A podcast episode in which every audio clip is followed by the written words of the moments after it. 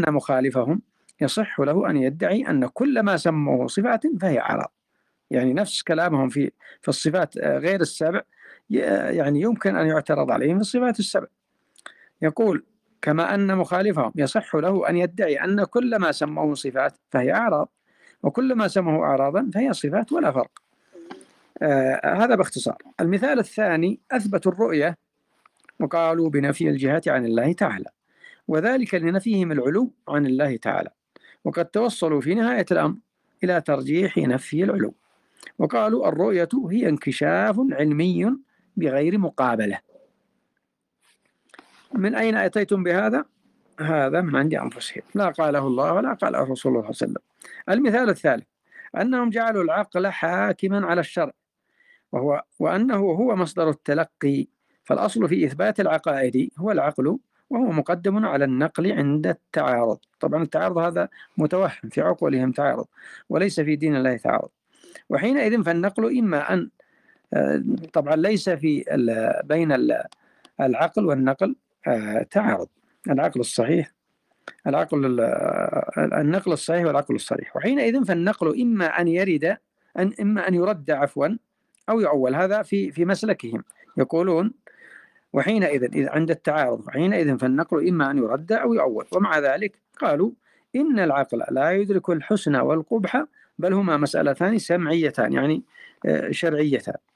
وهذا معروف آه، التحسين والتقبيح له مجال وله تفصيل. فجعلوا نصوص علو الله تعالى على خلقه معارضة للقواطع العقلية في حين جعلوا قبح الزنا والكذب مسألة سمعية يعني ألغوا العقل فيها. وهذا تناقض. المثال الرابع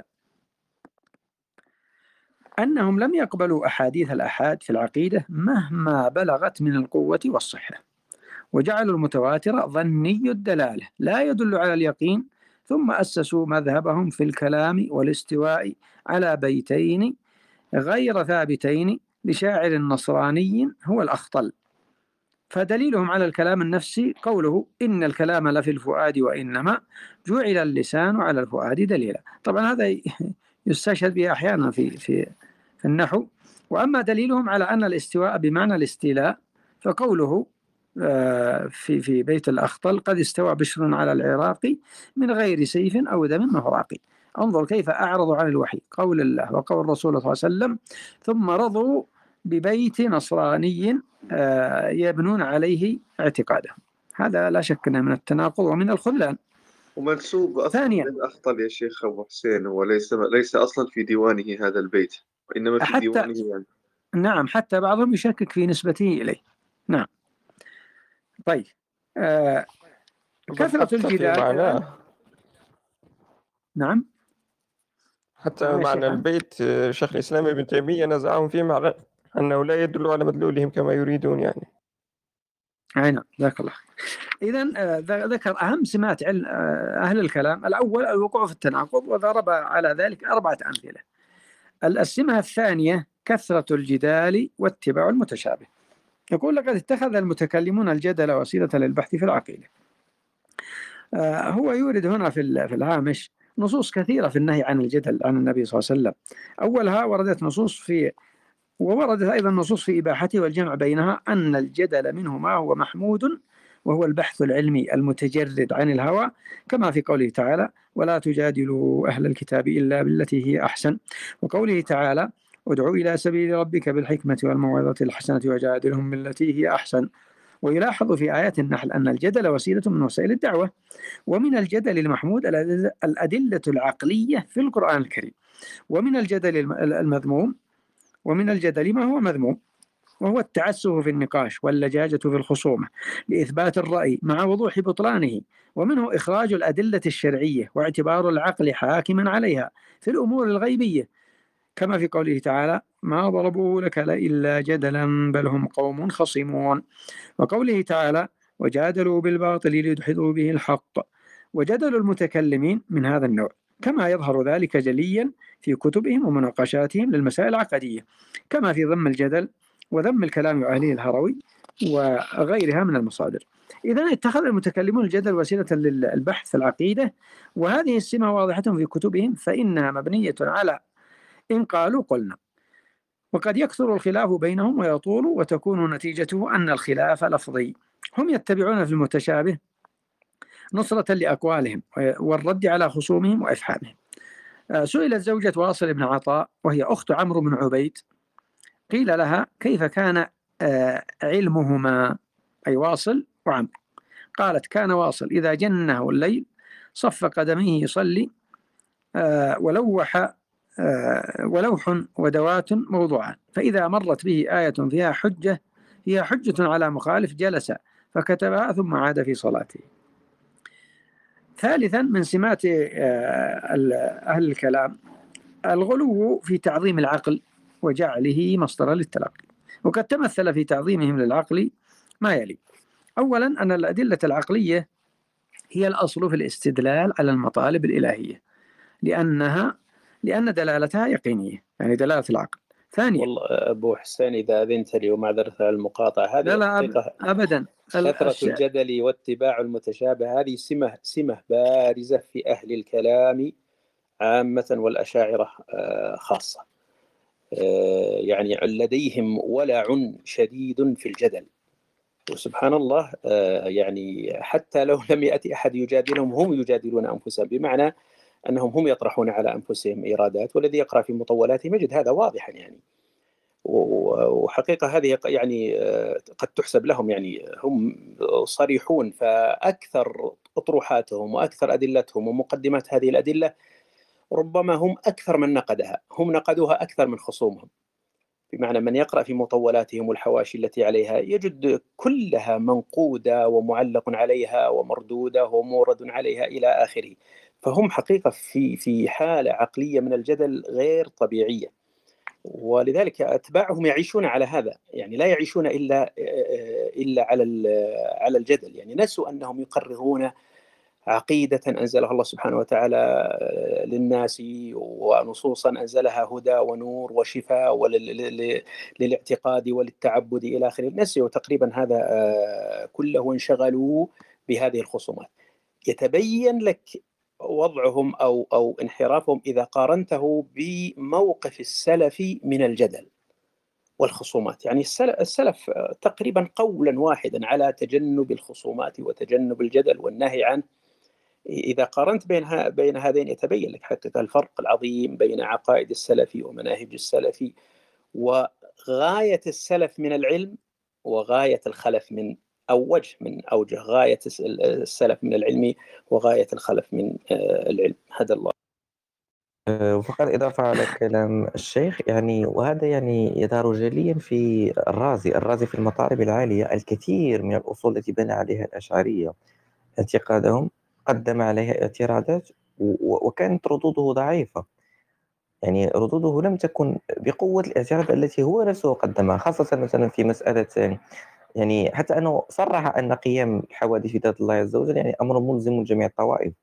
يعني وكذلك في مسألة أخرى انتهى به الأمر أن يقول بقدم الزمان. يعني كثير من المشاكل التي وقع فيها الرازي في المطالب العالية تفضل شيخ اشتهر عن الرازي أنه يأتي بالشبهة ويؤخر الرد عليها فقالوا يأتي بالشبهة نقدا ويجعل الجواب عليها نسيه ويرد على بعضها كما ذكرت يرد على بعضها ردا فهو الاستشكال عنده حقيقي يعني ليس فقط أنه يعرض ويرد قد يعني تحس من كلامه ومن عرضه للشبهة وتفصيله في العرض للشبهة أنه عنده استشكال حقيقي.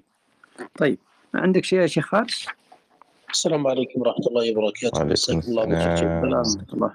آه، بالنسبة لما ذكره الدكتور الفاضل في كتابه من الأمثلة بعضه صحيح وبعضه محل إشكال.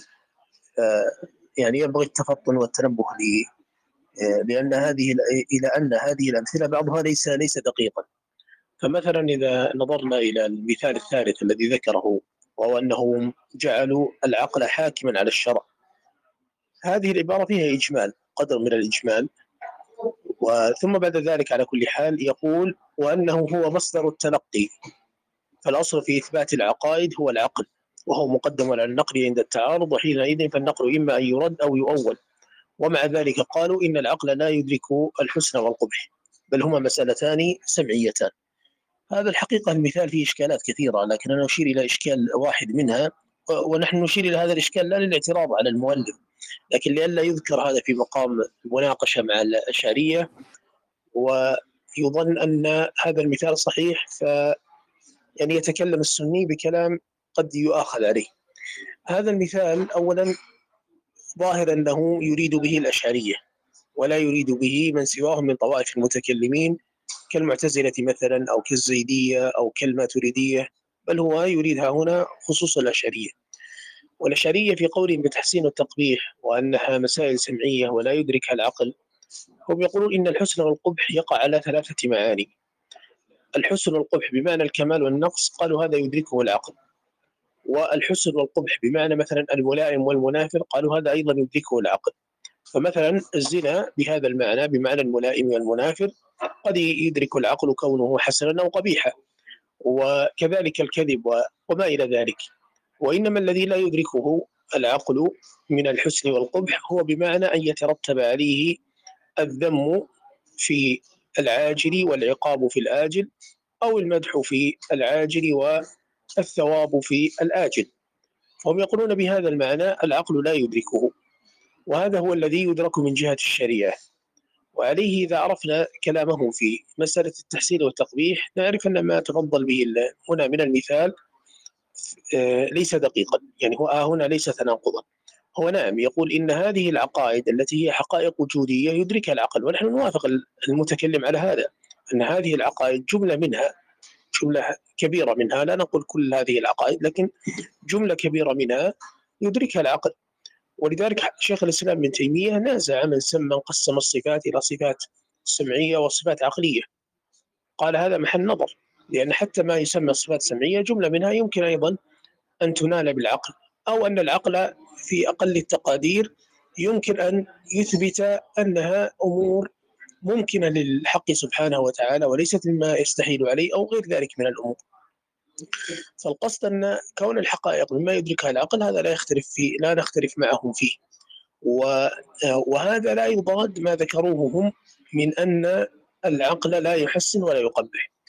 الإشكال الثاني وهو أيضا يوضح هذا الإشكال في هذا المثال هو يقول الدكتور الفاضل نسأل الله تعالى أن يفتح عليه ويبارك في علمه آه، يقول إن العقل مصدر التلقي عندهم. إن أراد أنه مصدر التلقي أي أن العقائد عندهم آه، من حيث هي عقائد دينية تتلقى من جهة العقل فهذا ليس قولا لهم. هم يقولون العقل يدرك مثلا أن الله موجود لكن هل هذه عقيدة دينية يجب على المكلف اعتقادها ويترتب عليها التأثيم ونحو ذلك من الأمور إن لم يعتقدها أو التكفير أو إلى آخره أو يترتب على ذلك الثواب ونحو ذلك؟ يقولون هذا لا يكون بالعقل. ولذلك نص جماعة منهم في بعض كتبهم المعتمدة يقولون إن العقيدة لا تكون عقيدة حتى تأتي بالشريعة يأتي بالشريعة تقريرها. وإلا فإنها لا لا تكون عقيدة ولا يجب اعتقادها وإن دل عليها ألف دليل عقلي. المخالف ممكن أن نسميه مثلا مجنون نسميه بأي اسم آخر. لكن أن نقول أنه خالف أمر الدين أو أنه خالف الشريعة أو أنه لم يعتقد بالعقائد الواجبة الاعتقاد ونحو ذلك فلا. فيقولون وإن دل العقل فإنه لا يمكن أن يكون الشيء عقيدة حتى يأتي عليه الدليل النقلي. إذا عرفنا هذه الأمور نعرف أن هذا المثال في قدر من الإشكال. طبعا أنا لا أشكل على كل حتى على أصل كلام المؤلف. هو ذكر أن عندهم تناقض ولا بد أن يكون عند المخالف تناقض. لا بد. كل من أعرض عن الطريقة النبوية وطريقة الصحابة رضي الله عنهم لا بد وأن يقع في تناقض. وهو أراد ضرب مثال بالأشعرية وللشيخ الفاضل محمد براء ياسين كتابا مفردا في قصد فيه إلى تتبع ما يمكن أن يقال إنه تناقض للأشعرية وجمعه من كلام شيخ الإسلام ابن تيمية وغيره. والكتاب مطبوع مفرد وأيضا هو مرفوع بليف وفيه أمثلة كثيرة جدا لمن شاء المراجعة لكن أحببت فقط التعليق على هذا المثال لأن هذا المثال شائع. ويكثر ذكره وهو مثال آه، فيه إشكال بالنظر إلى آه، قواعد مذهب الأشعرية. المثال أيضا الرابع في مسألة أنهم لم يقبلوا أحاديث الأحاد في العقيدة. هذا الكلام يعني ينبغي آه، تقييده ب يعني لو لو قيل يعني بعض كثير من مسائل الاعتقاد ربما يستقيم الكلام لأن عندهم جملة من مسائل السمعيات وهي من فروع السمعيات فيما يظهر لي أنهم قد لا يستشكلون آه، قبول خبر الأحاد فيها وهذه المسألة حقيقة تحتاج إلى دراسة ومراجعة آه، يعني آه، مسألة تحتاج إلى مزيد دراسة. أنا لا أجزم بهذا لكن أقول مسألة تحتاج إلى مزيد دراسة في إطلاق هذا القول مع أنه هو المشهور أنهم يقولون أن حديث الأحاد يفيد العلم للعمل. أيضا حتى قال وجعلوا المتواتر ظنية الدلالة لا يدل على اليقين. لا هم ذكروا أن الحديث المتواتر يفيد العلم والذي نص على أن الدلائل النقلية لا تفيد اليقين هو قول فخر الدين الرازي هو طائفة قليلة ممن تبعه ويمكن مراجعة آه، في ذلك آه، كتاب الدكتور أحمد قوشتي وهو كتاب حسن جدا في هذه المسألة وهو بعنوان الدليل النقلي عند المتكلمين. هو بين أن للأشعرية ثلاث طبقات الطبقة الأولى طبقة اعتدت بالدليل النقلي وجعلته حجة شرعية في في باب العقائد. والطبقة الثانية هي طبقة فخر الدين الرازي الذين لم يقالوا إن الأدلة النقلية لا تفيد اليقين. وهذه وأنا أختلف مع المصنف في عده طبقة أو مرحلة من مراحل المذهب الأشعري وإنما هو قول له حتى هو متردد فيه. فخر الدين الرازي هو متردد في قوله هذا فتارة يقول به وتارة ينفيه. وأيضا من جاء بعد من بعض علماء الأشعرية يعني من ينظر في كتب أصول الفقه أو في بعض كتب العقائد يجدهم أنهم يعترضون عليه. بل حتى وجدت من الشيعة واليهود من يعترض على كلامه هذا. ولذلك عد آه، هذا القول لفخر الدين الرازي مرحلة كاملة في إشكال. لكن يمكن أن يقال أنه فترة من الفترات وجد من يقول بهذا القول. آه، ثم بعد ذلك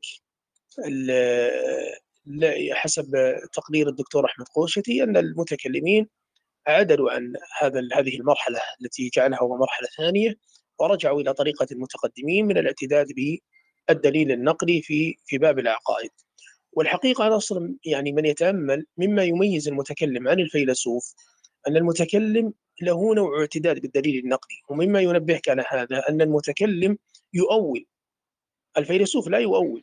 لماذا الفيلسوف لا يؤول؟ لأنه لا لا يعني يهتم طابق قوله الشرع أو لم يطابق الشرع الشرع هذا للجمهور. لكن المتكلم يحرص على أن يطابق قوله الشرع.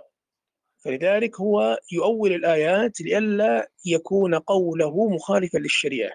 لأنه هو يلحظ هذا الأمر أن يكون قوله مطابقا للشريعة.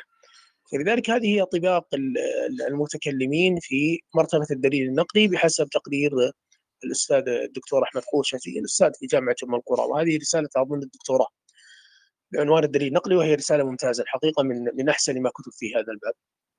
آه، بقي مسألة ذكر مسألة آه، أن دليلهم على أن الاستواء بمعنى الاستيلاء أنهم احتجوا ببيت الشعر لا هذا المقام مقام ظني لذلك هم يحتجون ببيت الشعر.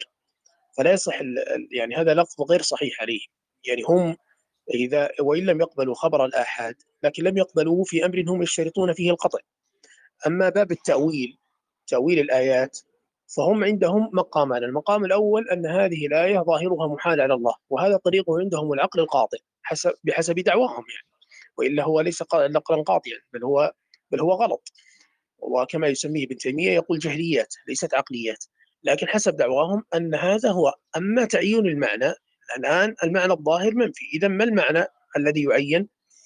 هم يثبتون أن من معاني الاستواء الاستيلاء بمثل هذا البيت وهذا البيت غلط. وعليه إشكالات كثيرة وليس المحل هنا رد على كلامهم هذا لكن هم يقولون نحن نثبت هذا لغة ثم نعين نقول هذا هو أقرب المعاني للسياق أو غير ذلك. فلذلك الاعتراض عليهم مثلا بمثل هذا البيت هو أيضا يعني قد يكون غير دقيق. والغرض من هذه التنبيهات ليس الانتصار لكلامهم. كلام هؤلاء لا شك أنه فاسد في العقائد. ولو كنا يعني يعني ولو كنا لحظة بارك الله فيكم. نعم. أقول ولو كنا يعني آه، المشكلة جاءتني بعض الرسائل الخاصة الذهن لكن أقول الغرض ليس الدفاع عن هؤلاء. هؤلاء عقائدهم عندنا فاسدة بلا تردد لكن هو القصد لئلا يعني يأتي السني ويذكر لهم في مقام المناظرة مثل هذه الأمثلة فيشنع على السني بذلك. والأمثلة كثيرة كما ذكرت أنا على بعض تناقضاتهم وقد قصد لتتبعها آه، الشيخ محمد بن ياسين في كتابه بعنوان مقالات في تناقض الأشعرية. أصله كان مقالات موجودة في ملتقى الحديث ولعله زاد وعدل عليها وأخرجها في مجلد لطيف. الله يحفظكم ويبارك فيكم.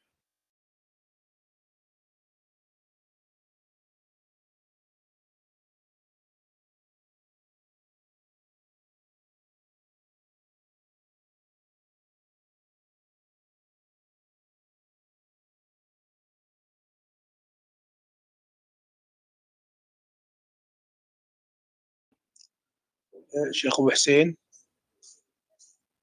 ما أدري هل انقطع عندي الصوت أو عندكم؟ لا الصوت واضح صوت واضح. الله يحفظكم. انتهت المداخلة. الله يحفظك الله يحسن إليك شيخ فارس. شيخ يحيى موجود؟ شيخ وليد؟ انشغلت انشغلت الشيخ لعلكم تكملون. أعانك الله. طيب أنا والله ما تيسر للكتاب ولا اقتناء الآن. الشيخ وليد موجود؟ طيب لعلي أكمل ما بين يتهيأ أحدكم. آه كلام الشيخ فارس. آه آه هو هو المنهج أننا نقول ما لنا وما علينا. صحيح أن هناك يعني بعض ما ذكره الشيخ فارس في آه، فيما يتعلق بالأمثلة وأنا أكدت على أن هذه الأمثلة فيها شيء من العمومية. وعند التفصيل آه، يكون هناك آه، بعض ما يمكن أن يعترض عليه أو يقال أنه عام ويقصد به كذا فيخصص يعني ببعض الأشياء التي أو التفصيلات اللي ذكرها الشيخ فارس. وإنما هنا حتى هو أكد على أن هناك شيء من التعميم وليس تفصيلا. فيؤخذ هذا في الحسبان حتى لا نقول كلمة عامة فتحسب آه، على من هو منصف مثلا من هؤلاء أو لديه يعني شيء من التفصيل في هذا. يقول بعد ذلك شيخ أبو حسين نؤكد أن أن هذه المسألة لها فيها يعني مؤلف مفرد مبسوط للشيخ محمد براء ياسين. فلن يعني خطأ في مثال أو مثالين. المثال ليس هو أصل الفكرة هذا ينبغي التنبؤ له. العلماء مثلا قد يمثلون بمثال ويأتي عالم ويعترض يقول هذا المثال غير صحيح ويوجد مثال آخر.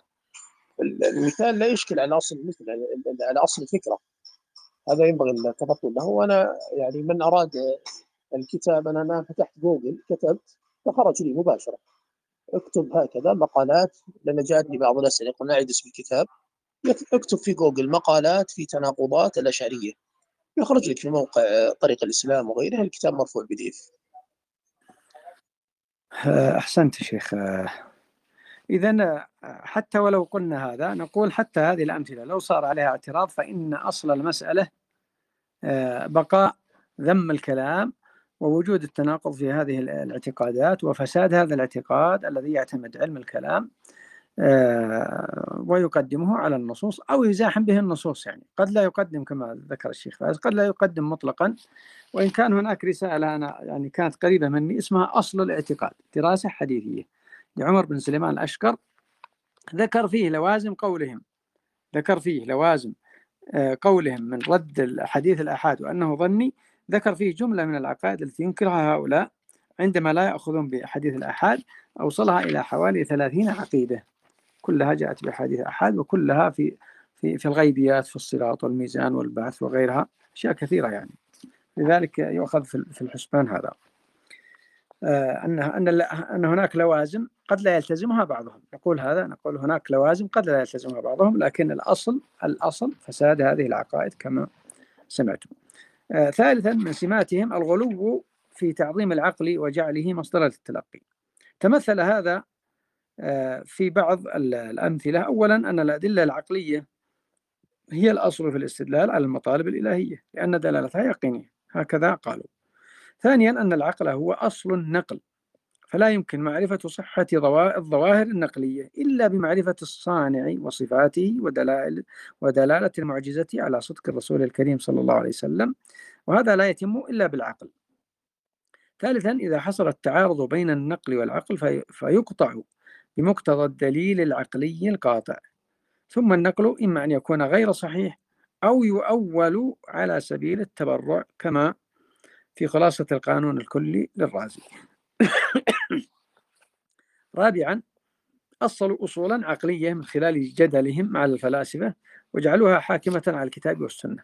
وكفروا وفسقوا وخطأوا. ومن خالف هذه الأصول مبتدعة وهذا مفصل في دار التعارض بعد الصفحة 277 من المجلد الأول. بل إنهم اختلفوا وتفرقوا فيما بينهم وكفر بعضهم بعضا عند اختلافهم في هذه الأصول. هذه السمة الثالثة الغلو في تعظيم العقل وجعله مصدرا للتلقي أو قد نقول مزاحما أيضا للتلقي. قلة التعظيم للنصوص الشرعية هذه السمة الرابعة وهذه السمة وجه آخر لاتخاذهم العقل مصدر للتلقي. وتمثل هذا في بعض الأمثلة أو بعض الجوانب منها جعل النصوص تابعة للعقل فهو أصل وهي تابعة له. آه ثانيا أن المتواتر من النصوص لا يفيد اليقين من جهة الدلالة حتى يجتاز عشر عقبات. من أين أتوا بها؟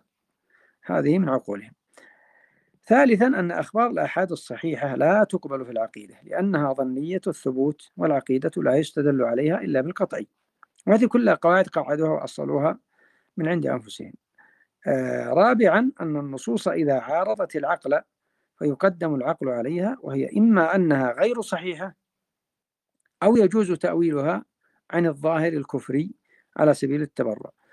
ومن قال إن ظاهر النصوص آه، الكفر آه، معروف يعني من من آه، أئمة الذين يعتمد عليهم الأشاعرة في الأخذ عنه قال بعضهم إن التمسك في أصول العقائد بمجرد ظواهر الكتاب والسنة من أصول الكفر.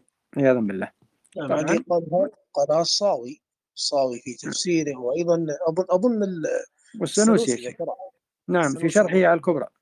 كما في. الهامش هنا يقول انظر حاشية الصاوي على الجلالين وشرح الكبرى للسنوسي. هذه آه ذكرها المصنف طيب خامسا الصاوي تبع للسنوسي نعم الله يحفظه نعم. آه خامسا من السمات كثرة الشك والتوقف آه والاضطراب والحيرة مما دعا عددا كبيرا من أئمتهم الكبار إلى الرجوع عن مناهجهم الكلامية وذمها اعترف أكثر أئمة أهل الكلام والفلسفة من الأولين والآخرين بأن أكثر الطرائق التي سلكوها في أمور الربوبية بالأقيسة التي ضربوها لا تق... لا تفضي بهم إلى العلم واليقين. هذا ذكر في الاستقامة عند ابن تيمية وفي الصواعق المرسلة لابن القيم ذكروا على ذلك. قال شيخ الإسلام أعتذر على المقاطعة ولكن هناك مسألة مهمة.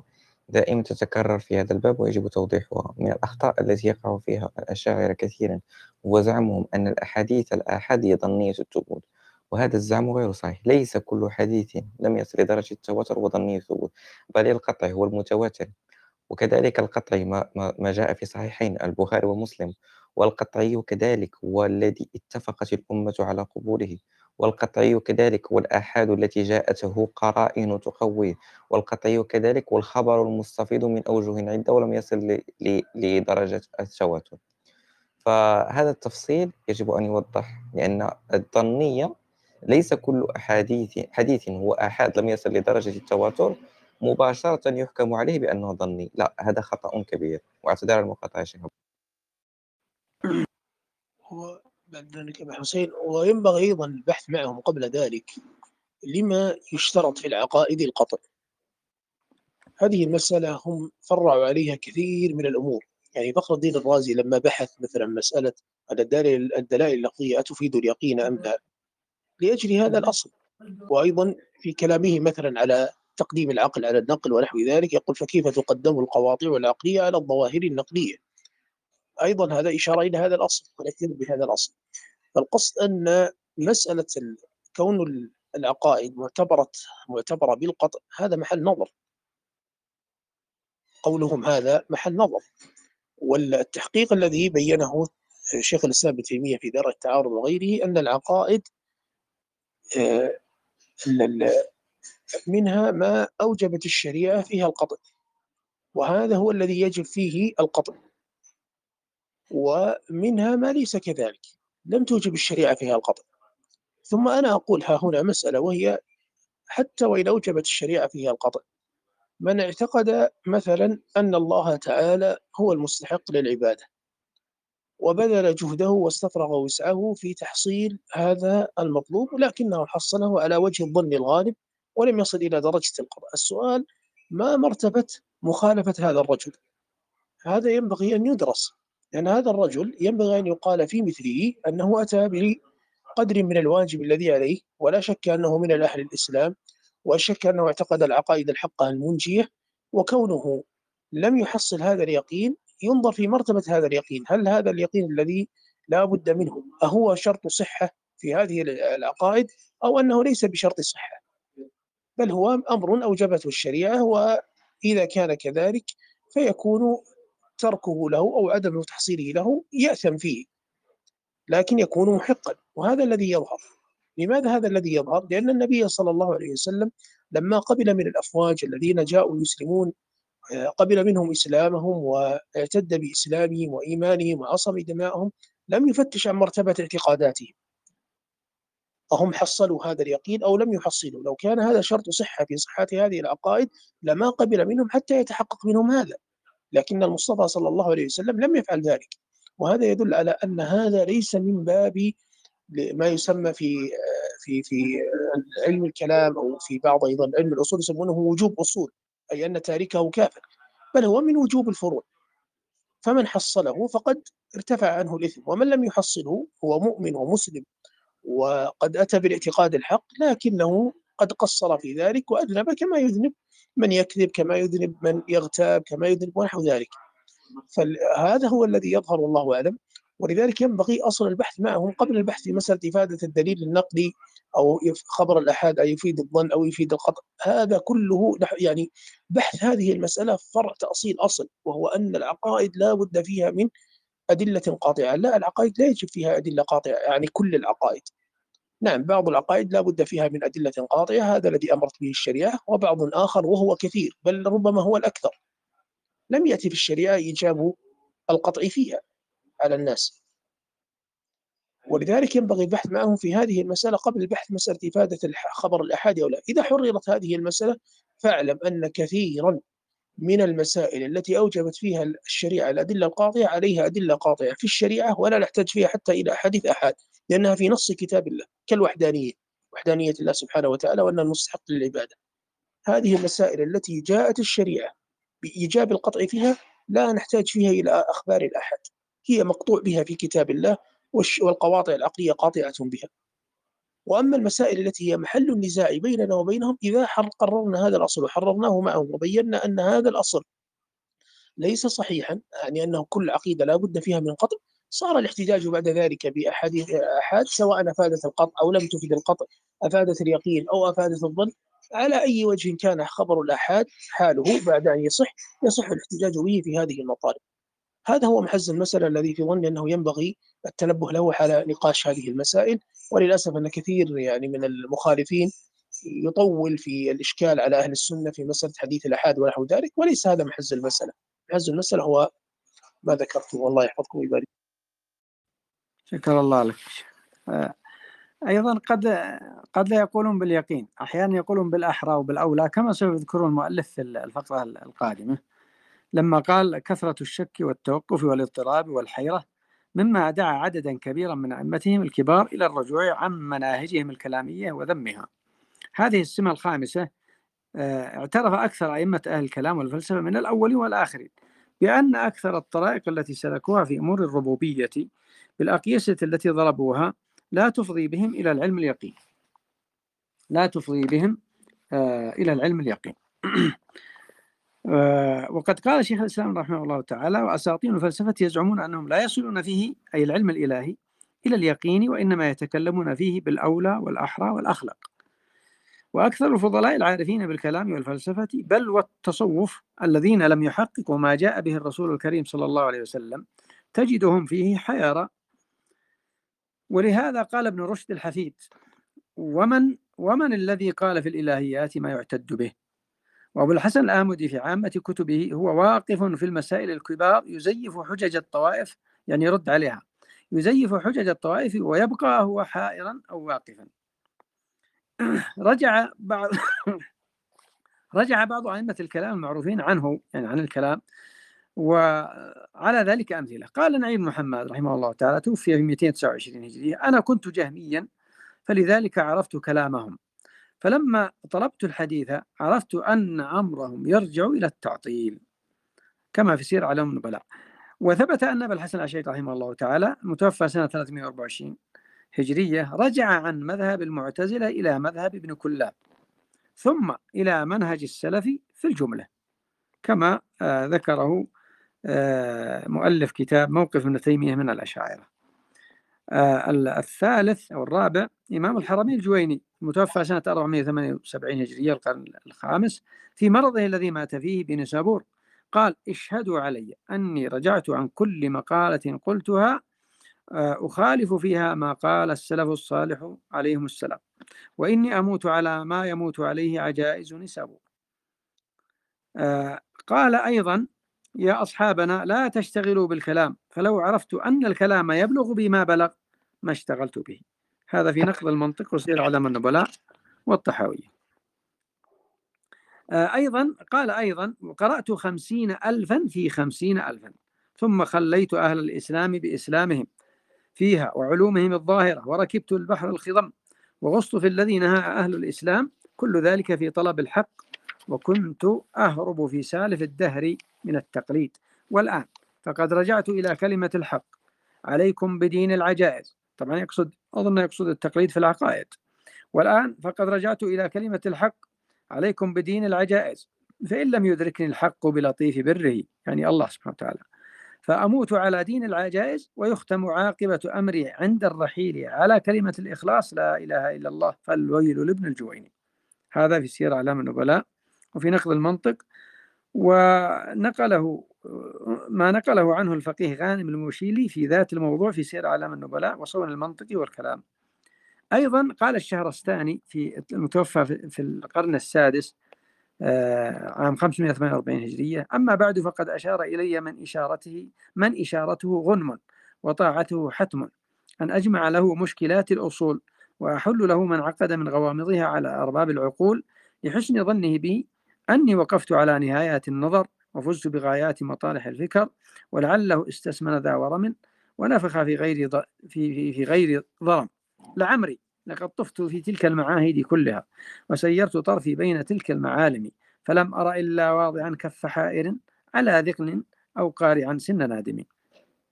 ثم قال طبعا هذا في نهاية الإقدام في المقدمة وعارضه العلامة الصنعاني بهذين البيتين فقال لعلك أهملت الطواف بمعهد الرسول ومن والاه من كل عالم صلى الله عليه وسلم. فما حار من يهدي بهدي محمد صلى الله عليه وسلم ولست تراه قارعا سن نادم وقال عليكم بدين العجائز فهو من أسنى الجوائز. هذا يقوله؟ تفضل يا شيخ. الأبيات التي تمثل بها الشيخ الثاني للفائدة هي الذي قالها ابتداء هو ابن سينا والشهر الثاني تمثل بها. فهذه الأبيات يعني فيها إشارة إلى رجلين وليس إلى رجل واحد. كلاهما يعني وقع له هذا. الله يحفظه شكر الله لك على هذه الإضافة. طيب إذا آه، قال الغزالي أيضا المتوفى في القرن السادس في أول القرن السادس 505 هجرية أكثر الناس شكا عند الموت أهل الكلام. هذا كلام خطير من الغزالي. يقول أكثر الناس شكا عند الموت أهل الكلام. أيضا فيه تحذير.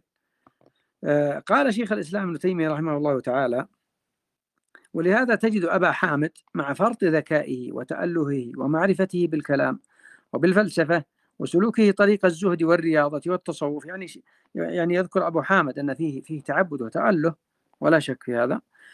آه، يقول مع سلوكه طريق الزهد والرياضة والتصوف طبعا المقصود به الرياضة رياضة العقول والقلوب عند الصوفية. ينتهي في هذه المسائل إلى الوقف يعني يتوقف. ويحيل في آخر أمره على طريقة أهل الكشف. طبعا رجوعه عن هذا الكلام إلى هذه الطريقة ذكره في كتابه المنقذ من الضلال. يقول وإن كان بعد ذلك رجع إلى طريقة أهل الحديث ومات وهو يشتغل في صحيح البخاري. طبعا الغزالي آه، كتب عنه الشيخ عبد الرحمن دمشقية مؤلفا آه، عنونه بالغزالي وتصوفه. وهذا قديم.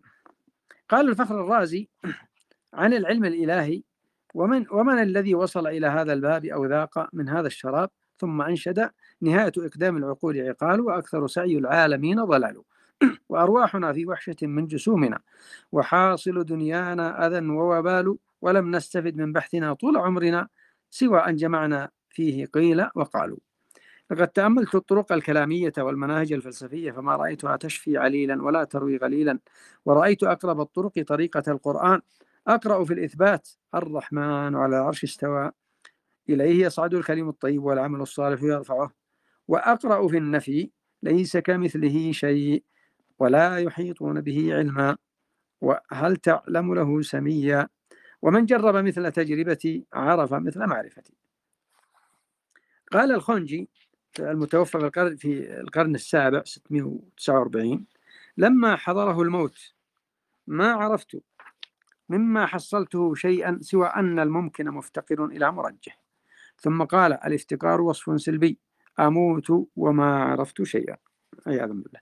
قال الخسر شاهي المتوفى في القرن السابع 652 هجرية لبعض الفضلاء ودخل عليه يوما ما تعتقد؟ قال ما يعتقده المسلمون. قال وأنت منشرح الصدر لذلك مستيقن به؟ فقال نعم. فقال أشكر الله على هذه النعمة. ولكني والله ما أدري ما أعتقد. انظر كيف آل بهم الأمر إلى الحيرة. قال والله إني ما أدري ما أعتقد. والله ما أدري ما أعتقد. وبكى حتى أخضل لحيته. كما في شرح الطحاوي. قال واصل الحموي هو المتوفى في القرن السابع 697 أستلقي على قفايا وأضع الملحفة على نصف وجهي ثم أذكر المقالات وحجج هؤلاء وهؤلاء واعتراض هؤلاء وهؤلاء حتى يطلع الفجر. ولم يترجح عندي شيء. آه هذه الحيرة التي نالت هؤلاء تحصل لكل من أخذ علم الكلام والجدل منهجا متبعا في العقيدة ولا يخلص الإنسان منها إلا بالالتزام بهدي الكتاب والسنة. وقد شرح أحد الأذكياء في تجربة مرة وكيف استطاع التخلص من هذه الحيرة بمعونة الله تعالى. يقول الإمام محمد بن إبراهيم الوزير اليماني طبعا كان زيديا على مذهب الاعتزال ثم رجع إلى مذهب السنة وألف كتابا جميلا جليلا وهو العواصم من القواصم. فإني ما زلت مشغوفا. يقول إبراهيم بن الوزير اليماني فإني ما زلت مشغوفا بدرك الحقائق مشغولا بطلب المعارف مؤثرا الطلب لملازمة الأكابر ومطالعة الدفاتر والبحث عن حقائق مذاهب المخالفين والتفتيش عن تلخيص أعذار الغالطين محسنا في ذلك للنية متحريا فيه لطريق, لطريق السوية متضرعا تضرع مضطر محتار غريق في بحار الأنظار طريح في مهاوي الأفكار قد وهبت أيام شبابي ولذاتي وزمان اكتسابي ونشاطي لكدورة علم الكلام والجدل والنظر في مقالات أهل الضلال. حتى عرفت صحة قول من قال لقد طفت في تلك المعاهد كلها وسيرت طرفي بين تلك المعالم فلم أرى إلا واضعا كف حائر على ذقن أو قارعا سن نادم. وسبب إيثاري لذلك وسلوكي تلك المسالك أن أول ما قرع سمعي ورسخ في طبعي ووجوب النظر. هذه الكل... هذه التي يقول المتكلمون إن أول واجب على المكلف هو النظر. بل أول واجب كما في حديث معاذ معروف عند أهل السنة وعند من يقرأ حديث النبي صلى الله عليه وسلم. يقول ولعل وسبب إيثاري لذلك وسلوكي تلك المسالك أن أول ما قرع سمعي ورسخ في طبعي وجوب النظر والقول بأن من قلد في الاعتقاد فقد كفر. فاستغرقت في ذلك حدة نظري وباكورة عمري وما زلت أرى كل فرقة من المتكلمين تداوي أقوالا مريضة وتقوي أجنحة مهيضة فلم أحصل على طائل وتمثلت فيها بقول القائل كل يداوي سقيما من مقالته فمن لنا بصحيح ما به سقم. يقول فرجعت إلى كتاب الله وسنة رسول الله صلى الله عليه وسلم وقلت لا بد أن يكون براهين وردود على مخالف الإسلام. وتعليم وإرشاد لمن اتبع الرسول الكريم صلى الله عليه وسلم. فتدبرت ذلك فوجدت الشفاء كله دقه وجله وانشرح صدري وصلح أمري وزال ما كنت به مبتلى وأنشدت ممتثلا وأنشدت متمثلا فألقت عصاها واستقر بها النوى كما قر عينا بالإياب المسافر. هذا في العواصم والقواصم. آه، السادس من سمات المتكلمين أو المشتغلين بعلم الكلام. جهلهم بالسنة والحديث النبوي. السبب في ذلك يعود إلى إهمالهم. طبعا هذا فصل فيها آه، مؤلف كتاب موقف ابن تيمية من الأشاعرة في المجلد الثاني بعد آه، بعد 792 يقول والسبب في ذلك يعود إلى إهمالهم للآثار وتعظيمهم للعقل والاشتغال بالجدل والخصومات عن حفظ السنة والحديث.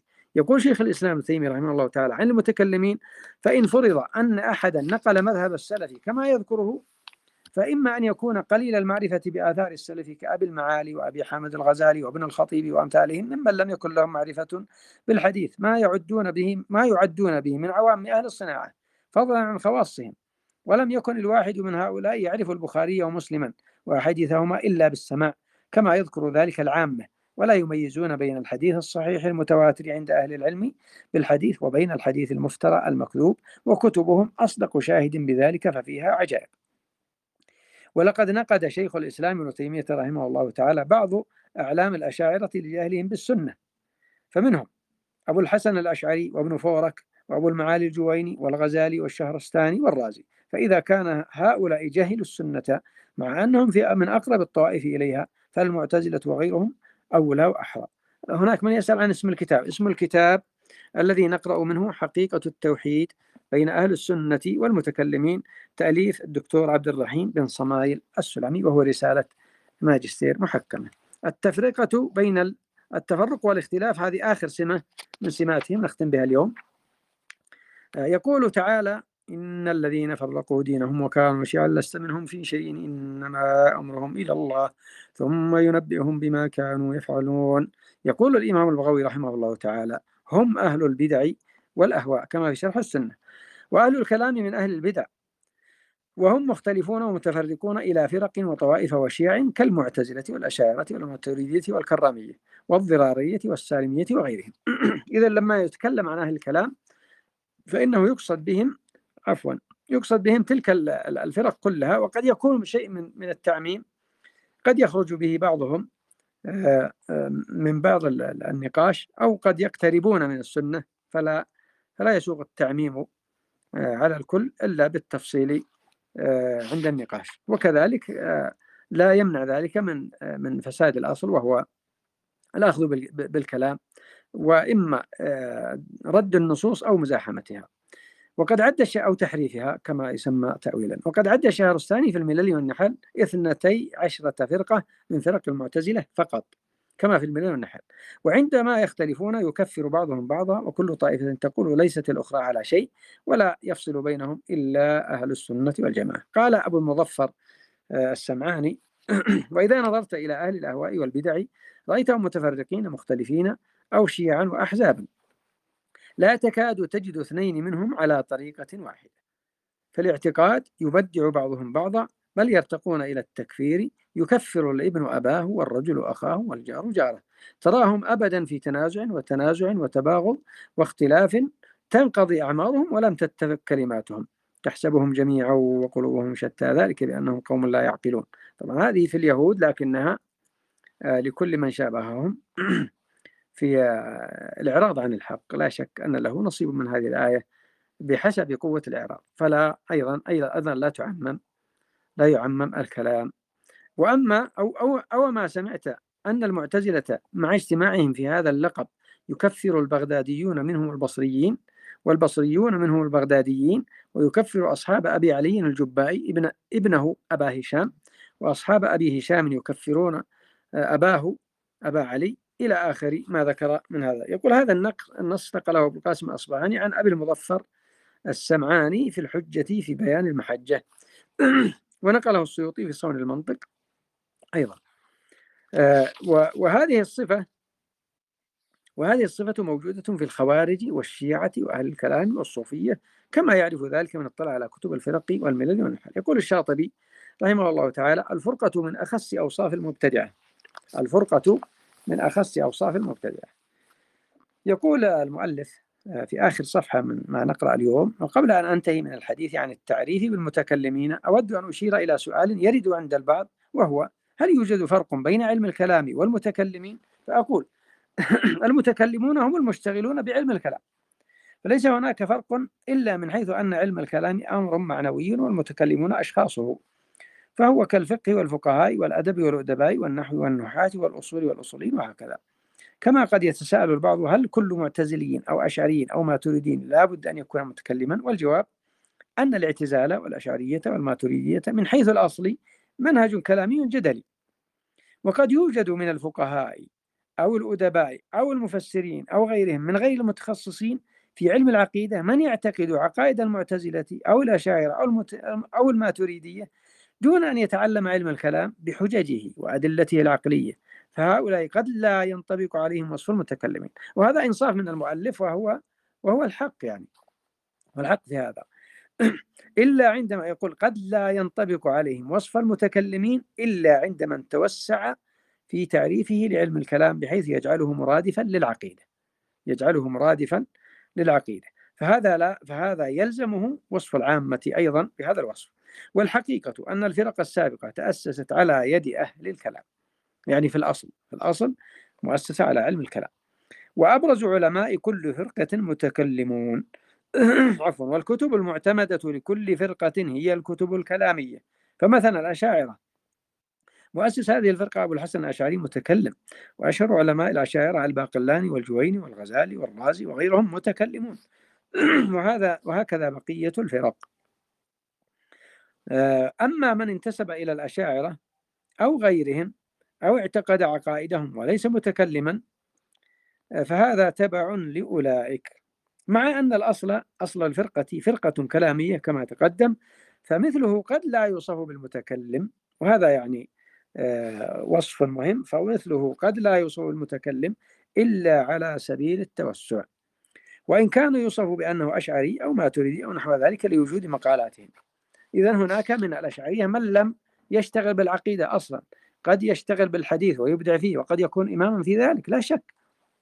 فلا يطلق عليه آه، أنه متكلم آه، لأن هذا من باب التوسع ومن الإنصاف عند أهل السنة والجماعة. في هذه المصطلحات آه، ألا تطلق بعمومها بل يفصل يفصل في من تطلق عليه ويستفصل في من تكلم بألفاظ مجملة. ماذا يقصد بهذه الألفاظ؟ هل هو اتباع لعلم الكلام؟ أم استعمالا لهذه الألفاظ. نتوقف هنا وفي اللقاء القادم إن شاء الله نأخذ ما يتعلق بالتوحيد مفهومه وأقسامه عند أهل السنة ثم نردف ذلك بمفهوم التوحيد وأقسامه عند أهل الكلام. كتب الله أجركم ورفع قدركم وشكر لكم ما قدمتم وما أشرتم وما داخلتم به المشايخ الفضلاء. تفضلوا يعني أكملوا ما يتعلق باللقاء وأنا أتوقف هنا جزاكم الله الله جزاك الله خير يا شيخ.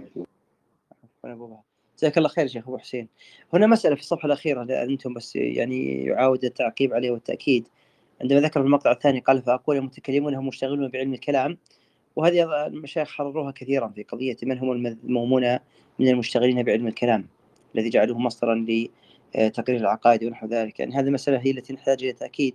وهي التي تؤخذ أحيانا في مسألة يعني يعني يشغب عليها أحيانا حيث أن هناك الكثير ممن يشتغلوا بعلم الكلام أو يهتموا بعلم الكلام أو يعرفوا في علم الكلام أو في مختلف العلوم العقلية ولكن ليس من المتكلمين المذمومين. إذا كان أحد من مشايخنا سيعلق على هذه المسألة.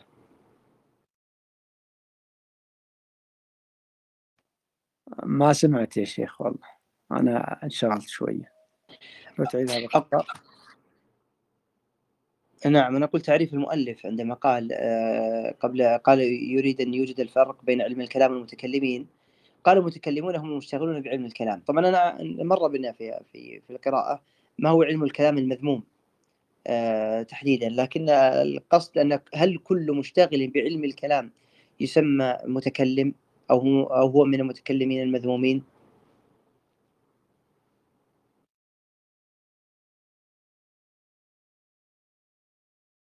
المشايخ موجودين.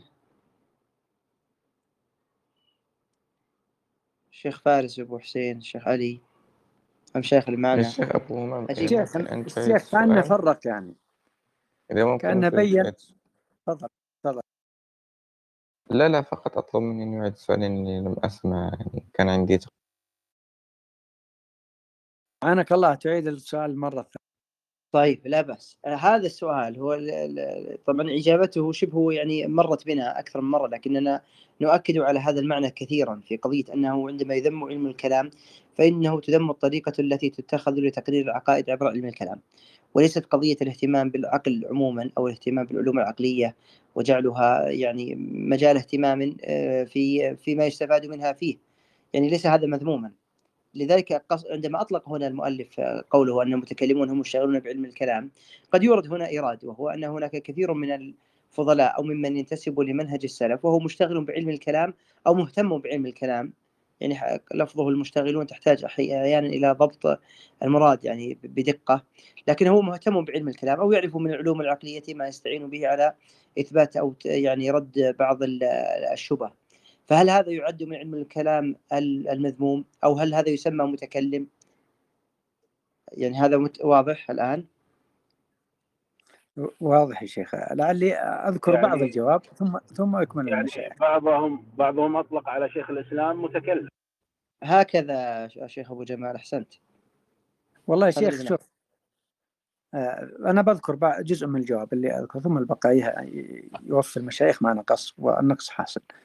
اولا لما أتكلم في الصفحة الأخيرة عن المشتغلين بعلم الكلام وعلم الكلام فذكر أن منهم منهم فرق يعني وطوائف ما معتزلة ماتريدية أشاعرة وغيره فعند ذلك آه، يطلق علم الكلام بأنهم أخذوا إذا أخذوا هذا العلم في باب إثبات العقائد فإنه يذم من أصله مذموم من أصله علم الكلام.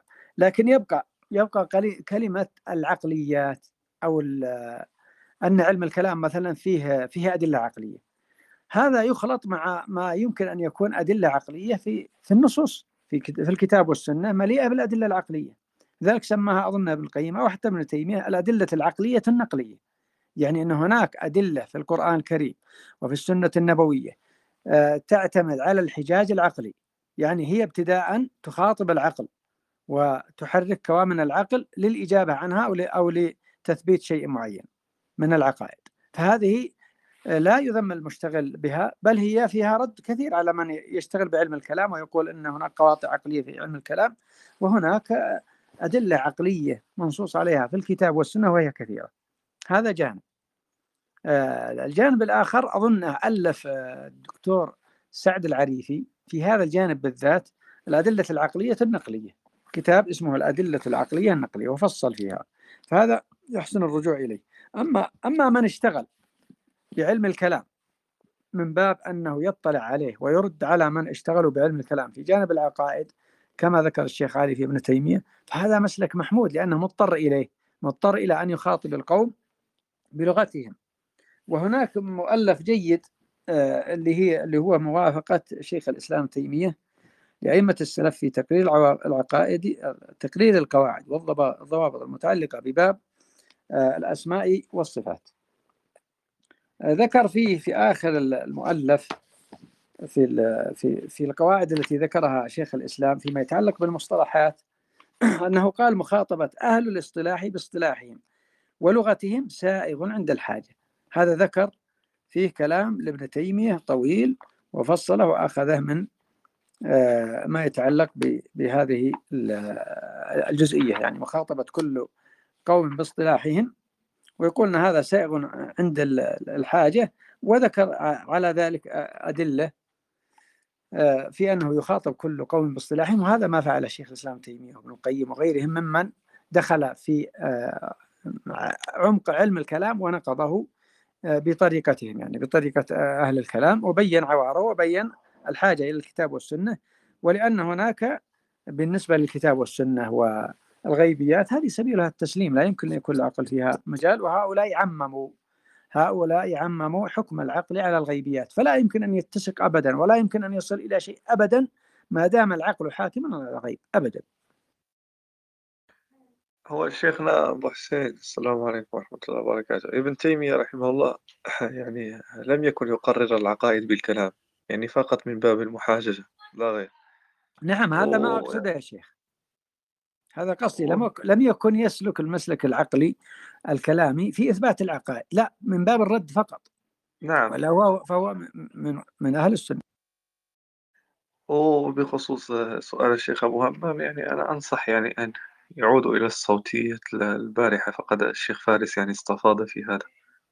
وأنا شخصيا يعني أنا يعني كرأيي ما أعتقد يعني ربما عكس التيار في هذا العلم في هذا في هذا العلم مقصد علم الكلام.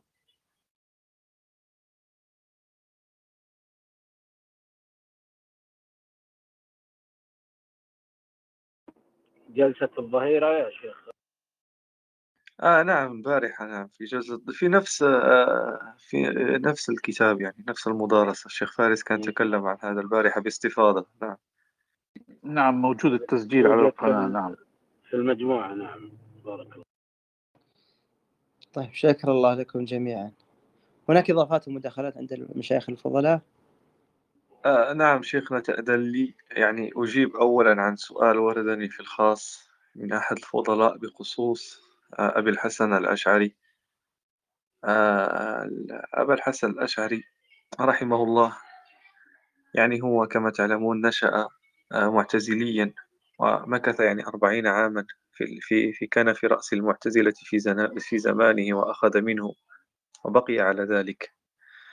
ومن أسباب رجوعه عن الاعتزال بعد الأربعين أنه يعني استشكل بعض الأمور كثيرة عند المعتزلة لم يقتنع بها خصوصا أنه سمع برجل آه، اسمه عبد الله بن سعيد بن كلاب وهو ما تنتسب له الفرقة الكلابية و...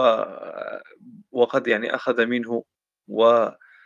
وفي الأخير يعني رجع عن الكلابية واعتقد بما واعتقد بعقيدة أهل السنة والجماعة فخلع الاعتزال وانتقل فخلع عفوا فخلع آه، ابن كلاب ورجع في آخر زمانه إلى عقيدة أهل السنة. لكن أبي الحسن الأشعري لما انتسب إلى الاعتزال واستشكل بعض الأمور وبعض المسائل وكان يعني صار بينه وبين شيخه آه، ردود وقبل هذا قبل أن يقع في يده كتاب للإمام أحمد ورجع إلى عقيدة أهل السنة والجماعة. وألف عند رجوعه كتب على رأسها الإبانة آخر الكتب التي ألفها يعلن فيها رجوعه وأنه يقول بما يقول به الإمام أحمد بن حنبل. لكن آه، الإمام أبي الحسن الأشعري لما كان آه، رحمه الله ألف الكثير من الكتب في في فترة الاعتزال وبعضها في الفترة التي أعقبت خلعه لعقيدة الاعتزال عقيدة المعتزلة عند ابن سعيد بن كلاب ورد عليها قبل أن يرجع ويقرر عقيدة أهل السنة والجماعة كما ذكرت في الإبانة.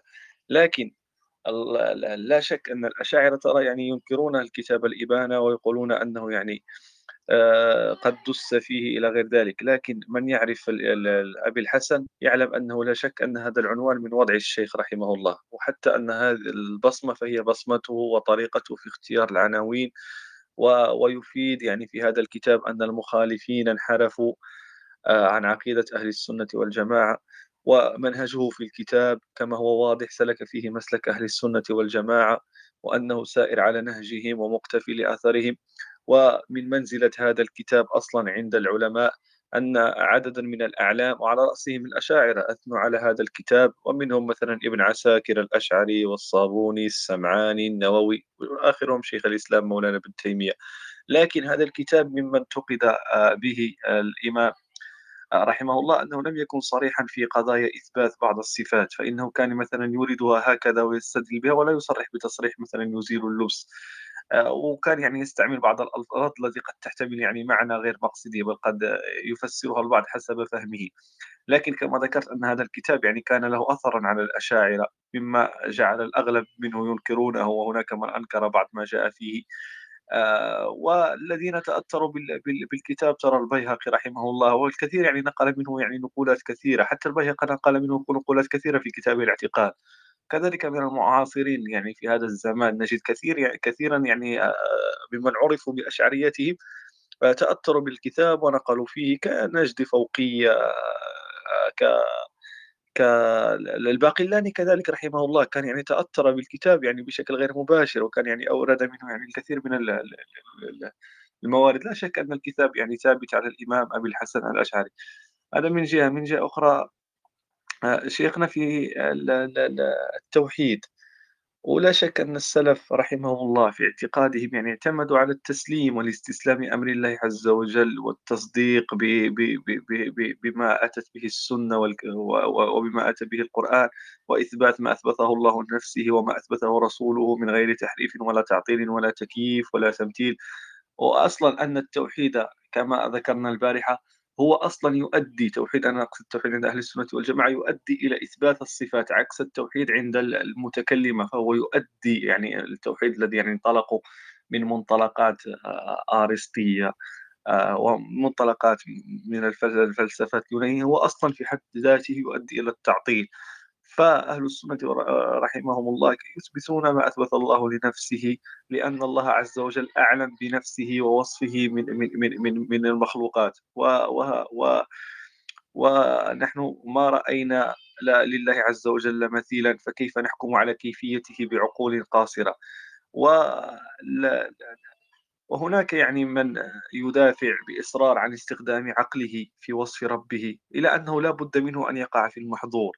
وهو يستخدم أصلا أقيسة التمثيل والشمول فيقول لو كان الله كذا لكان كذا ويجب عليه كذا لأجل كذا ولو قلنا في وصفه بكذا لكان كذا وكذا وهو في حقيقة مبدئه يعتبر ربه فرضا من أفراد ذلك القياس ينطبق عليه ما ينطبق على سائر الناس والمخلوقين. ولذلك كان مذهب أهل السنة مذهب السلف رحمه الله في التوحيد مذهبا حاسما قطع الطريق على هؤلاء بمنع الأقيسة العقلية المبنية على اجتهادات فكرية في, في, في التعرف على الغيبيات أو كيفية الذات أو حتى, أو حتى الصفات سواء كانت أقيسة تمثيلية أو شمولية. وإصرار الأشعرية والفرق الكلامية بالمجمل على استخدام حصيلتهم العقلية والتي كما ذكرنا أن كما ذكرت أنهم جمعوها من الأفكار الفلسفية الكلامية اليونانية.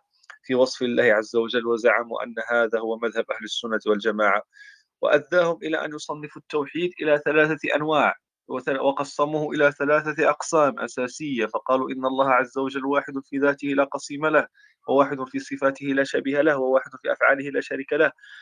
وهذا على فكرة ذكره الشهرستاني في في في في في في وذكر هذا التقسيم وفي وصف أن أنهم أهل السنة والجماعة وأن التوحيد عندهم منقسم إلى هذه الأقسام. لكن السؤال الذي يطرح نفسه على العقلاء على أي أساس عقلي أصلا صنف هؤلاء المتكلمون التوحيد إلى ثلاثة أقسام؟ هل استندوا إلى الحكم عقلي بأن الله عز وجل أعلم بنفسه ووصفه منا؟ يعني هل جاء هذا التصنيف مستندا على كتاب ربهم وسنة نبي نبيهم؟ أو أنهم فقط يعني استندوا إلى أو أو أنهم يعني استندوا إلى فهم الصحابة والتابعين وأئمة السنة المقبولين عند جميع المسلمين كأبي حنيفة ومالك والشافعي والسلف. في الحقيقة على ما يظهر أنهم لم لم يستندوا أصلا في تصنيفهم للتوحيد لا إلى هذا أو لا إلى ذاك يعني فقط يعني جعلوا الأمر يعني ممكن أن نقول مشاعا عقليا لكل من يدلي بدلوه. والمقصود أصلا بالنوع الأول عندما يقولون أن الله واحد في ذاته لا قسيم له يعني ليس له أجزاء وأبعاد لأنه إن كان له أجزاء لم يخل إما أن يكون كل جزء منه حيا عالما قادرا أو كان بعض الأجزاء مختصا بالحياة والعلم والقدرة إلى غير ذلك وعندما يقصدون بالنوع الثاني أن الله واحد في صفاته لا شبيه له. أي, أي أنه يخالف الحوادث والحوادث لا تقوم لا تقوم به عز وجل. شيخ و... و... شيخ أنس السلام عليكم. يبدو أنك لخصت عليكم. الكتاب كله يا شيخ أنس. نحن يعني لسه في بداية الكتاب فيبدو أنك يعني تلخص الكتاب كاملا. الله يرضى عليك. الله يبارك يعني فيك يا شيخ لو كنت لو هو المواضيع اللي ذكرها هي مهمة وستأتي هي مهمة هي, هي قادمة في الكتاب. الفصل الثاني آه من الباب الأول والله ما ما قرأت الكتاب يا شيخ استسمح نعم. جزاكم الله خير. جزاكم الله. خير على التنبيه جزاكم الله خير. الله يجزيك الخير لأنه نحن نناقش كل فصل اولا بأول فيعني خلينا ملتزمين إنه نناقش ما قرأناه بإذن الله ويعني يكون الكلام في في ما قرأناه والتعليق عليه ثم ننتقل للمواضيع حتى لا يكون هناك يعني خلط عند المستمعين أو يكون تسبيق. الله يرضى عليكم جزاك الله خير شيخ أنس. الله يبارك فيك يا شيخنا. لا والله ما اطلعت على الكتاب. بارك الله فيك. حياك شكرا على التنبيه. جزاك الله خير. طيب في السيد بهاء عنده سؤال. تفضل يا أستاذ بهاء. السلام عليكم. وعليكم السلام. آه، هل مسموح السؤال عن الأشعري كيف؟ هل يسمح بالسؤال عن الأشعري؟ في نفس الموضوع اللي نتحدث عنه يا أخ بهاء آه، لأنه قبل كلام أنس آه، كان عندي اعتبار حسب ما أعرف عنه أنه ليس من أهل السنة وهو ترحم عليه في أكثر من مرة وكأنه يقصد بأنه من أهل السنة فلماذا من ينسبون أنفسهم إليه لازالوا لازالوا يتهجمون على منهج السلف لو فعلا تاب عن عقيدته. صديقي الذين ينتسبون إليه ينتسبون إلى ما كان عليه الإمام أبا الحسن الأشعري قبل رجوعه. وحتى أن الإمام أبا الحسن الأشعري لم يرجع في كل المسائل لأن بعض المسائل لم تبلغه إلا أنه صرح كما نقل ابن عساكر عنه أنه يقول بما يقول به الإمام المبجل أحمد بن حنبل. هل المتمشعر اليوم يقولون بما يقول به الإمام؟ نقول تكرما الأشاعرة. هل يقولون بما يقول به الإمام أحمد بن حنبل؟ أكيد لا. هل يقولون بما يقول به السلف؟ لا. هم أصلا يعني ألا كنت يعني حضرت إلى مجالس الشيوخ حفظهم الله يعني ومدارستهم لهذا الكتاب يعني منذ مدة لعلمت أن أصلا مسائلهم وانحرافاتهم في في الصفات هي أصلا ليست متعلقة بالنصوص الوحي أو كذا.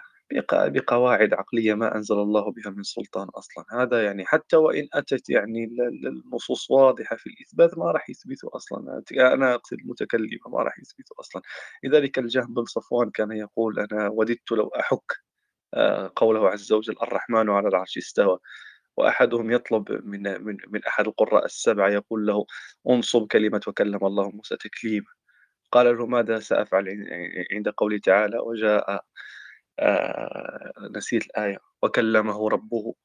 وغير هذا كثير. فهي المسألة ليست متعلقة بكتاب ولا ولا سنة أو بنصوص أو كذا. فهم عندهم يعني ظواهر النصوص فهي كفر وأن يعني من يأخذ بهم فهم فهم حشوية إلى هي المسألة ليست متعلقة بهكذا. والإمام أبي الحسن الأشعري كما ذكرنا أنه رجع عن كل هذه المسائل. وحتى أغلب أئمتهم يعني هناك من دخل في الحيرة وهناك من رجع. آه، هناك من رجع وهناك من ندم وقال أنه يا ليته لم يشتغل بهذه المناهج الفلسفية والكلاميات. يعني المسألة ليست مرتبطة. الإمام أبي الحسن الأشعري رحمه الله رجع عن كل هذا يعني في آخر حياته. وهم يعني لا يقرون برجوعه. هم يا أخي حتى أنهم نفوا صفات الله عز وجل الفعلية والخبرية. قال لهم الله عز وجل أنا استويت؟ قالوا له لا أنت لم تستوي أنت بل استليت. الله عز وجل قال لهم أنا أتكلم بصوت وحرف متى أشاء. قالوا له لا أنت لا تتكلم. أنت يعني تتكلم بكلام نفسي وفروا من تشبيه فسقطوا في تشبيه أعظم بتشبيههم لله عز وجل بالأخرس الأبكم والعياذ بالله. وغير هذا كثير يعني. هم يا أخي تكلموا في الصفات الفعلية وفي ذات الله عز وجل وبدعتهم في ذات الله. هل هل هل آه، أيهما أعظم؟ فلا بد أن ينكروا أصلا رجوع الإمام أبي الحسن الأشعري وينكروا يعني كلام الأقوال الرازية عن رجوعه إلى غير ذلك. يعني المسألة واضحة أخبار جزاك الله خيرا. آه، شيخ صهيب عندك مداخلة؟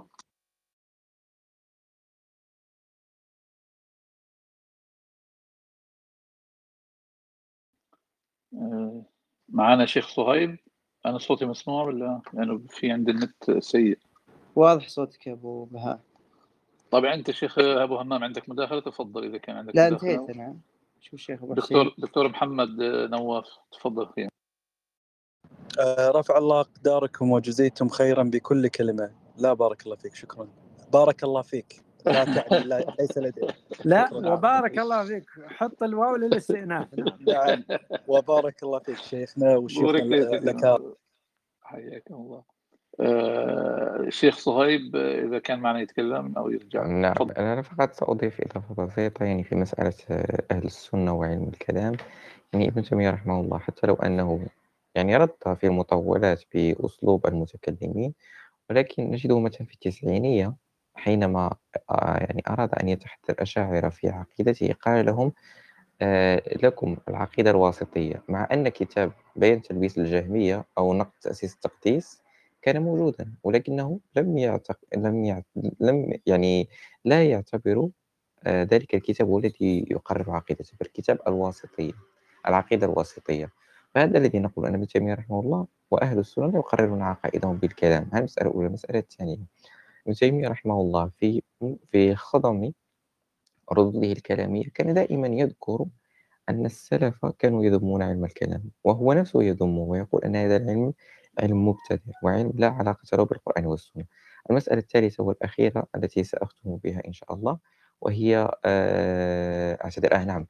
علم الكلام ليس هو الحجج العقلية لأنه مثلا لو قرأنا كتب السلف سنجد حججا عقلية مثل كتاب الحيدة والاعتذار لمن قال بالخرق آه، لمن قال بخلق القرآن الإمام عبد العزيز الكناني وكتاب الرد على الزنادقة والجهمية الإمام أحمد وكتاب آه، نقد بشر المريسي الكتاب الدارمي فهو فيه حجج عقلية أفضل من الحجج الكلامية. لهذا نحن نفرق بين علم الكلام وبين المعقولات. تفضل شيخ أبو وبارك جزاك الله خيرا. أستاذ ممدوح شيخنا الفاضل تفضل إذا عندك. لا أزيد على ما تفضل به الأخوة. جزيت خيرا. آه، شيخ أبو حسين عندك مداخلة؟ جزاكم الله خير كتب الله أجركم. راح نتجاوزك شيخ أنس أخذت كثير. شيخ مشاري تفضل. شيخ مشاري معنا تفضل. نعم نعم جزاكم الله خيرا. آه، أبد آه، بارك الله فيكم وجزاكم الله خيرا. والله ما عندي إضافة أنا أخشى فقط أن أطيل. لكن يعني ما ما تفضل به الإخوة كاف شاف إن شاء الله. أحسن الله إليكم. جزاك الله خيرا. أستاذ طاهر بن عدة. السلام عليكم ورحمة الله وبركاته. وعليكم السلام فقط يا شيخ بارك الله فيكم يا مشايخ وأردت أن أشكركم فقط على ما تقدمونه خدمة لدين الله عز وجل. وجزاكم الله عنا خيرا كثيرا. جزاكم الله خيرا. إيه، فقط الله يبارك فيك إنه هذه المجالس موجودة في لها قناة تليجرام موجودة في رابط البرنامج أو النادي لو تعمل متابعة للنادي وفي الرابط آه، قناة التليجرام موجود فيها من لم يستطيع الحصول عليه أو الوصول إلى الرابط مراسلتي وسارسل له فيه الكتاب وفيه التسجيلات لهذه المجالس والمجالس السابقة للكتب التي قرأناها في السابق. آه، لمن أراد أن يتابعنا جزاكم الله خيرا. آه، تفضلوا مشايخنا من له مداخله يتفضل آه، حتى يمكن ترسل لي رابط حاضر حاضر الخاص جزاك الله خيرا وحفظك الله وبارك فيك. تحياتك بقي أيضا الاشتراك يا شيخ في النادي يجعل هناك رسائل تأتي الإنسان مجرد يفتح درس أو لا وفي مسألة يا شيخ أبو حسين نريد أن نذكر المستمعين بأن لدينا غرفة اليوم في الجزء الثالث بخصوص آه، صفات الله عز وجل بين أهل السنة وبين المتكلمين واليوم إن شاء الله حول التفويض يعني كي يكونوا يعني حاضرين يعني لكي يستفيدوا من المشايخ في هذه الغرفة إن شاء الله. اليوم إن شاء الله على الساعة السادسة والنصف بتوقيت المغرب أي على الساعة الثامنة والنصف بتوقيت مكة المكرمة وعلى الساعة السابعة والنصف بتوقيت مصر إن شاء الله.